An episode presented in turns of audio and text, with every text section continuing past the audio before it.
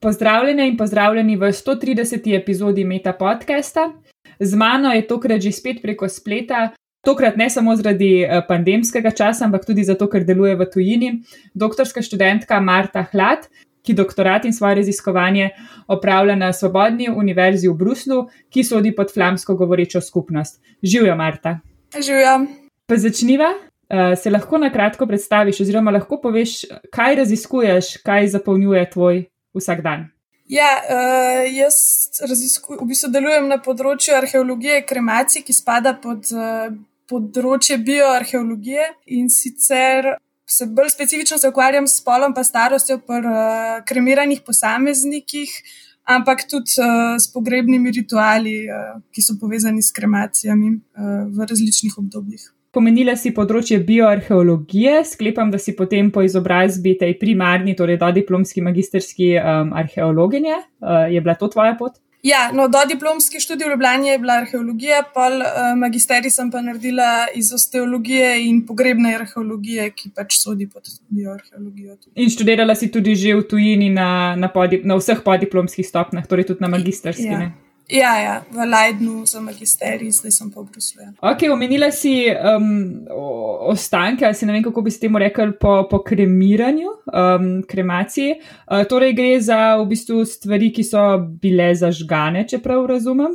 Uh, res je, pač kremacije so. Um, v bistvu kremacija je tak ritualen term. Ni, um, so žgane, ampak v nekem ritualnem kontekstu, se pravi, ponavadi pogrebnih praksah, ne za neko žival, ki jo bomo skuhali, pa da bojo njene kosti pol žgane, ne rečemo, da je bila kremirana. Recimo. In te, um, te ritualni običaji, kot si omenila, so se verjetno dogajali tako v, v zgodovini, v preteklosti. Videla sem v tej tvoji um, dispoziciji, oziroma ne vem, tem tvojem raziskovalnem načrtu, da v bistvu govoriš hkrati o tem, kar je zanimivo za samo, recimo, pogled v preteklost, pa tudi mogoče uporabno v forenziki. Pa me zanima, kako ločiš te dva svetova, oziroma kaj, kaj res te, te zanima. Ja, mene v bistvu bolj zanima arheologija in kako, um, kaj lahko iz kremiranih kosti povemo. Zato, ker V pogrebni arheologiji imamo veliko pravka s skeleti, ki niso bili žgani, zato ker je pač to tudi eden od glavnih pogrebnih ritualov skozi različne zgodovinske obdobja. Ampak kremacija je tudi ne, ampak o njej pa nimamo veliko informacij, zaradi tega, ker so kremirane kosti zelo um, deformirane, fragmentirane. Pač težko dobimo ven neke te osnovne podatke o biologiji tega človeka, kot je recimo spol ali pa starost. In, um, pač zanima me, kako bi se dal to izboljšati, zato da, zato da bi tudi od teh obdobjih, kjer je bila kremacija glavni pogrebni običaj, imeli kakšne paleodemografske podatke, ki jih imamo za druga obdobja. Recimo. V katerih obdobjih in kje pa je bila recimo eh, ta kremacija eh, poglavitni? Um, ja, v Evropi je to v bistvu kar uh, dolga stvar. Ne? Že od neolitika naprej imamo v bistvu kremacije, sicer ni jih zdaj ne vem koliko, ki so, so bile najdene, ampak se, se že pojavljajo, pa do, vse do zgodnega srednjega veka v bistvu. No? Potem se pa v moderni dobi spet začnejo. Ja. In verjetno, uh, mislim, si že sama povedala, če, če imaš kosti, ki so, ki so šle čez kremacijo, so to verjetno bolj obrabljene in težje razumeti in kakršne koli podatke ven dobiti o, tem, da bi lahko kakorkoli sklepil na način življenja, na vem, prehrano, na karkoli vas arheologe zanima. Kaj pa te zanima, recimo v tem primeru? Kaj bi želela zvedeti z raziskavo kosti? Mislim, jaz sem ukvarjam z, z, ocenem, z oceno spola pa starosti, zaradi tega, ker se mi zdi, da je da so to neki podatki, ki lahko zelo pripomorejo tudi uh, interpretacijam, ki se tičejo čist uh, družbenih stvari, kot je pač družbeni spol, identiteta človeka v, v družbi, njegov položaj in tako naprej. Področje kremacije je pa bistveno širše. Ne? So ljudje, ki se, moji sodelavci, se recimo ukvarjajo s tem, da delajo analizo izotopov stroncija na, na teh kosteh in potem v bistvu interpretirajo malo, kako je bilo z mobilnostjo uh, v različnih obdobjih, ali so se ljudje zelo veliko premikali, ali so bili bolj lokalno, nekje celo življenje, in tako naprej. In če, če zdaj pustiva, kar delajo tvoji kolegi in kolegice uh, ob strani, pa se posvetiva spolu in starosti. Um, kako sploh določimo spol pri nekem skeletu, recimo tudi, če ni, če ni uh, kremiran? Kaj, kaj, kaj te zanima? Ne vem, jaz bi si predstavljala tako zelo naivno, mogoče kakšna, kakšne medenične kosti, mogoče tudi lobanja. Na kaj si pozorna? Točno to. Ja. Pri skeletih, ki niso žgani, smo zelo pozorni na medenico in na lobanjo. Uh, uporabljajo se tudi uh, metrične metode, se pravi, zmerimo razno razne stvari, ki so, ki so bile dokazane, da so spolno. Dimorfične ali kako različne med moškimi in ženskami, v glavnem. In potem na podlagi tega uh, določimo, mislim, ocenimo v bistvu, ne, ne moramo ga določiti, ampak ocenimo spol. Pri starosti je pa tako, da se v bistvu to večinoma um, določa na podlagi obrabe raznih sklepnih površin, uh, tako da je bolj kot egzaktno znanost ali starost, tako mal umetnost, že skoraj bi človek rekel. Pri kremacijah je pa to še, še bistveno težje, kot pri skeletih. Mislim, že pri skeletih imamo ne, neomeščene, ne? zato ker pač vse vemo, da je spol biološki, tudi spektr ni, ni tako zelo binaren, kot bi radi ljudje verjeli. Tako da v kremacijah je pa to zelo težko, zato ker se v bistvu večina teh delov skeleta, kjer so te spolne različni, spolno različni elementi, uničene. In, in recimo, nimamo, medenico imamo zelo redko, pa tudi če jo imamo, je lahko deformirana, lahko se je skrčila, lahko pač imamo napačen vtis o tem, kaš, kjer ga spola je, je ta oseba bila. Tako da se trudimo ugotoviti, če so kakšni drugi pristopi, ki bi lahko na bolj fragmentiranih ostankih v bistvu nam pomagali. In jaz um, sem si izbrala v bistvu nekako tri uh, pristope, ki bi jih rada preizkusila. In sicer eden, ta, ki sem ga v bistvu že objavila zdaj pred kratkim, uh, in sicer gre za merske metode, ki sem jih potem um, v bistvu nekako testirala z, z tem um, machine learningom, no, um, strojnim učenjem. In se je pač izkazalo, da, ja, da to nekako deluje, ne? ampak problem te metode je recimo to, da, da je zelo specifična za vsako populacijo in jo ne moramo kar univerzalno prelepiti na vsako populacijo, ki jo pač študiramo. Tako da je treba malo vedeti, ne, kaj, kakšne so mere v tej populaciji, že preden jo lahko preverimo, kar je lahko zelo dolgotrajen postopek. Uh, lahko pa tudi čist ne mogoč. V bistvu. um, drug pristop, ki bi ga rada testirala, je pa v bistvu zdaj je prišel pred kratkim ven en članek, kjer so ugotovili, da je ta koščeni labirint v, v notranjem ušesu uh, ima tudi neke spolne razlike, ne? in sicer v tem, kako je tale polž do kakšne mere je zakrivljen, pa na kak način. No? To, to so ugotovili, da, da kar dobro deluje in so imeli zelo dobro natančnost. In jaz bi zdaj zelo rada to v bistvu preverila na kremacijah, zato ker koščeni labirint v notranjem ušesu je pa zelo pogosto prisoten v, bistvu v kremacijah, ki jih dobimo. Rec, sem zdaj ocenila, da te, ki sem jih do zdaj preštudirala, tukaj v Belgiji, eh, je recimo v 50%. Imamo, imamo ta element, kar je v bistvu velik, glede na to, da ponavadi pri kremacijah lahko do 20% ljudem določimo spol, lahko pa še to ne. ne. Pri kakšnih najdiščih je zelo malo, recimo. Zdaj sem imela enega, ki je bilo 120 posameznikov pokopanih na eni rimski nekropoli, pa sem samo en moloh. S klasičnimi metodami v bistvu ocenila spola. Oh, wow. Ampak imamo pa recimo ta pol uh, koščeni labirint in tle bi se pač to kar dal. Um, recimo, uh, pol tretji pristop, ki sem si ga zamislila, je pa v bistvu uh, primerjati izotope železa pa bakra, ker se je izkazalo tudi v eni študiji, že malo dol nazaj, da, da je v bistvu v kosteh pri ženskah, pa pri moških, nekako to v drugačnih razmerah, te, te izotopi, ki ne zanimajo, tle železo 56, pa 54, pa bakar 65, pa 63, no se je to pač detajl, ampak um, se je izkazalo, da se da tudi v 80% recimo povedati, um, kjer ga spolajo oseba. Bila zdaj pač mene bo zanimalo, če se to pri kremacijah sploh da uh, izolirati te izotope, oziroma če so prisotni v, v, v zadostnih količinah, da se da iz njih kaj povedati. Uh, bi bilo pa to zelo super zaradi tega, ker potem lahko vzamemo pač neko kost, recimo čisto en del dolge kosti, ki jih zelo pogosto najdemo v bistvu skoraj v stotih procentih um, teh kremacij, s katerimi se jaz ukvarjam, no? in, uh, in bi se pol dal. Um, To analizirati je pa problematično pri tej metodi, pa to, da je v bistvu starost očitno mal problema, ne? ker je meta, ta različen metabolizem, na katerem je posledica katerega naj bi bilo to različ, te različni izotopi, povezan verjetno z menopauzo pri pr starejših ženskah in se pol to spremeni v zadnjih fazah življenja. Tako da je pomembno vedeti starost in pol je to neka taka kača, ki si grize rep, kjer nimamo vseh informacij, ki bi jih rabila. Sej to je na nek način verjetno kar velik del v arheologiji, ne?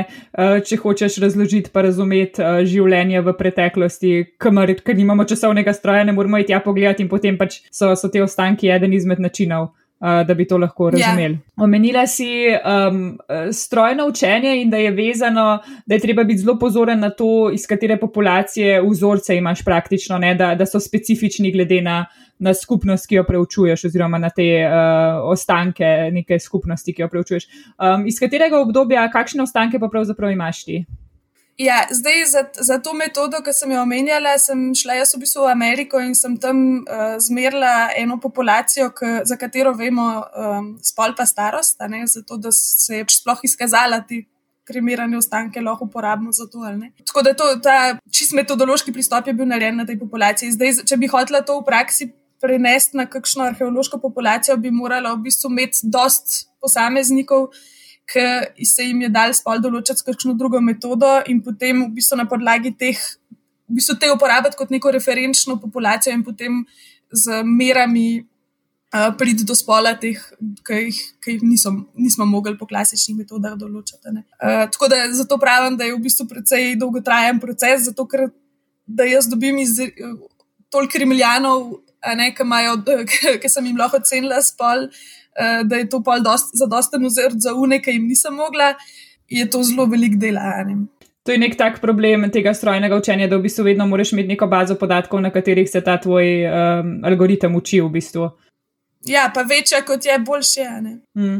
In pri arheoloških uh, pač vzorcih je problematično to, da so zelo mehki in vsakeč, ko se posvetujem s kakšnim uh, statistikom ali pa statističarkom, me zelo čuden gledajo, ker jim povem, kakšne vzorce, mislim, koliko veliko imam, imam vzorcev, pa so tako malce skeptični, če bo to res delovalo. Ja, ja, ja. Se mislim, da se s podobnimi stvarmi v bistvu uh, srečujejo, recimo tudi v biologiji, um, kjer nekako tudi uh, nimaš vedno nekih ve ve velikih uh, podatkov, ja, pa vseeno pa želiš te tehnologije uporabiti za, za boljše razumevanje, ne vem, bodi si vedenja, bodi si uh, nekih zunanjih lastnosti um, živali. Recimo. Zdaj, omenili smo res veliko različnih metod. In pri, pri že spet moj naiven pogled na arheologijo bi si mislil, ne, na nek način najprej moraš najti neko najdbišče, izkopati, potem odkriti kosti, jih nekako določiti, prepoznati. Ti si omenjala o tem, da v bistvu spremljate neko, neke izotope, potem smo pa pač le kar naenkrat na strojno učenje. Kako izgleda tvoj vsak dan? Um, greš tudi na kakšna najdišča ali se v bistvu res bolj ukvarja samo s tem metodološkim delom določanja, merjanja? ne vem, zdi se mi zelo raznolikno. Ja, se je, v bistvu to mi je kar všeč, da je to različnih stvari, ker se zelo veliko stvari naučim. Ampak ne, jaz na najdišča zdaj, vsaj prav v sklopu doktorata ne hodim, ne? zdaj grem kdaj pa kdaj kaj pogledati, če, če imam priliko, ampak ni, ni to v sklopu doktorata. Uh, v bistvu ta uh, arheološki material, na katerem delam, so v bistvu neke stare zbirke, ki so po raznih inštitucijah, klele v Belgiji, bile shranjene in ki se jih je v bistvu en projekt. Ta projekt, na katerega sem bila na začetku v bistvu sprejeta, lotu, in z namenom, da bi se iz, iz teh kosti pobrali vse informacije, kar se jih da, in da bi v bistvu da bi v bistvu te kremacije dobile, bile predstavljene pol v neki novi luči z vsemi temi metodami, ki zdaj obstajajo. Tako da um, zdaj, ja, drugače pa, kar se tiče raznolikosti, ja, zdaj začela sem z neko bolj simpel uh, stvarjo in sicer z nekimi merami, kar, za kar rabaš v bistvu en čist simpel urodje.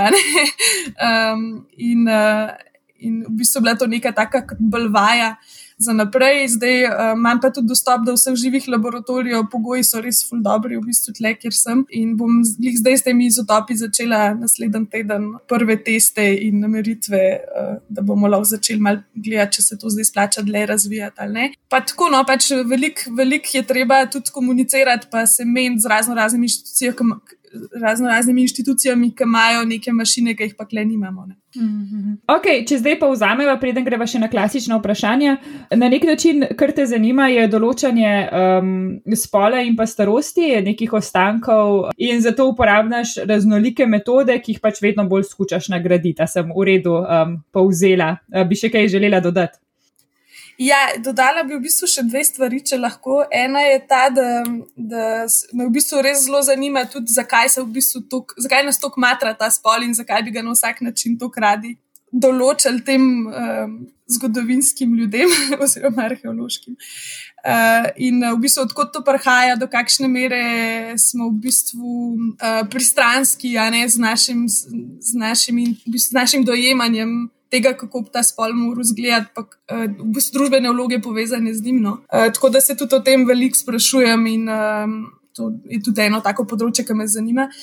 Ob strani se pa ukvarjamo v bistvu s tem, da je v bistvu ful, um, se govori o tem gibanju mitu, pa, pa o varnem okolju v, v akademiji nasploh, ampak zdaj smo s um, kolegi pa kolegicami iz cele Evrope v bistvu ustanovili neko delovno skupino, s katero smo izvajali eno anketo o um, nadlegovanju, strahovanju in zlorabah v, v evropski arheologiji, ki je ravno kar se v bistvu zaključila. No? In uh, v bistvu je to z nekim ciljem, da bi se v bistvu ugotovili, kaj so glavni problemi, pa uh, kako bi se jih dal v bistvu rešiti. V ZDA je zdaj tudi kar nekaj let poteka uh, kar močno gibanje znotraj uh, antropoloških združenj, uh, ravno zato, ker je bilo zelo veliko poročanja iz raznih najdišč in raznih terenov, kamor grejo ljudje, kjer grejo v bistvu v zelo omejeno družbo za, za kar dolg čas, lahko pač tudi več mesecev, lahko tudi kakšno leto ali dve, ne, in si vašte z enakimi ljudmi in je prihajalo do, do, do zelo neprijetnih um, stvari in je to res kar velik um, problem. Ne, tako da um, kome čakam, da kaj objavite, oziroma kakšno poročilo, če, če bo dostopno. Ne? Eh, bomo ja, spremljali. Ja, definitivno zelo pomembna tema, o kateri se moramo v, v vseh znanostih verjetno pogovarjati. Znanost ni, ni um, nedolžna pri teh stvarih. No? To je res um, zelo pomemben povdarek. Še vseeno bi to dodala. No? Omenila si pač sklepanje na, na to, kako so živeli, ne? glede na spol, kakšna je bila družbena vloga spola. Jaz se velikrat sprašujem, v bistvu, kako, pa, kako pa to sploh določiš iz nekih arheoloških um, ostankov. Pač, uh, to je samo del uganke, ne dejansko videti ne moreš, kako se je tam dogajalo. Sklepaš iz tega, kje je bilo kaj najdeno, kako je bilo skupaj povezano, kako probate to zgodbo, ki je verjetno še zmeri um, na nek način imate. Si predstavljam, lahko celo več vprašanj, kot pa odgovorov najdete. Ampak um, na kakšen način pristopate k temu?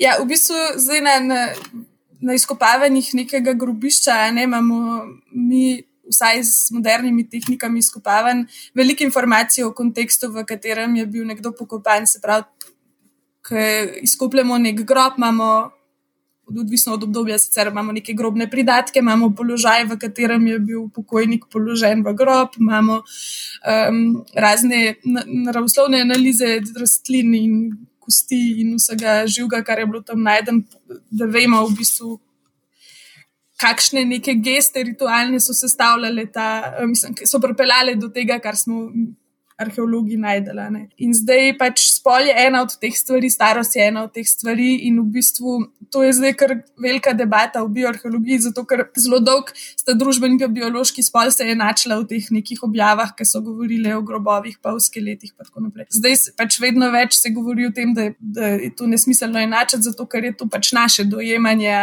Um, družbe in se to binarnost posod lep. In v bistvu nimamo pojma, če je tako bilo tudi v preteklosti, in imamo zelo dobre razloge, da, da zaverjeti, da ni bilo tako, ne? saj ne povsod in ne vedno. In uh, zdaj obstajajo različne, različni pristopi k temu. Eni pač pravijo, da je treba najprej pogledati kontekst, pa šele potem v bistvu dati na ta kontekst nek spol, da se vidi, če to res sovpada z našimi v bistvu, pričakovanji ali ne. ne? Ker če, če mi že vnaprej vemo spol, potem kakšne podatke, kar iz glave zbrišemo, ker se nam zdi to logično.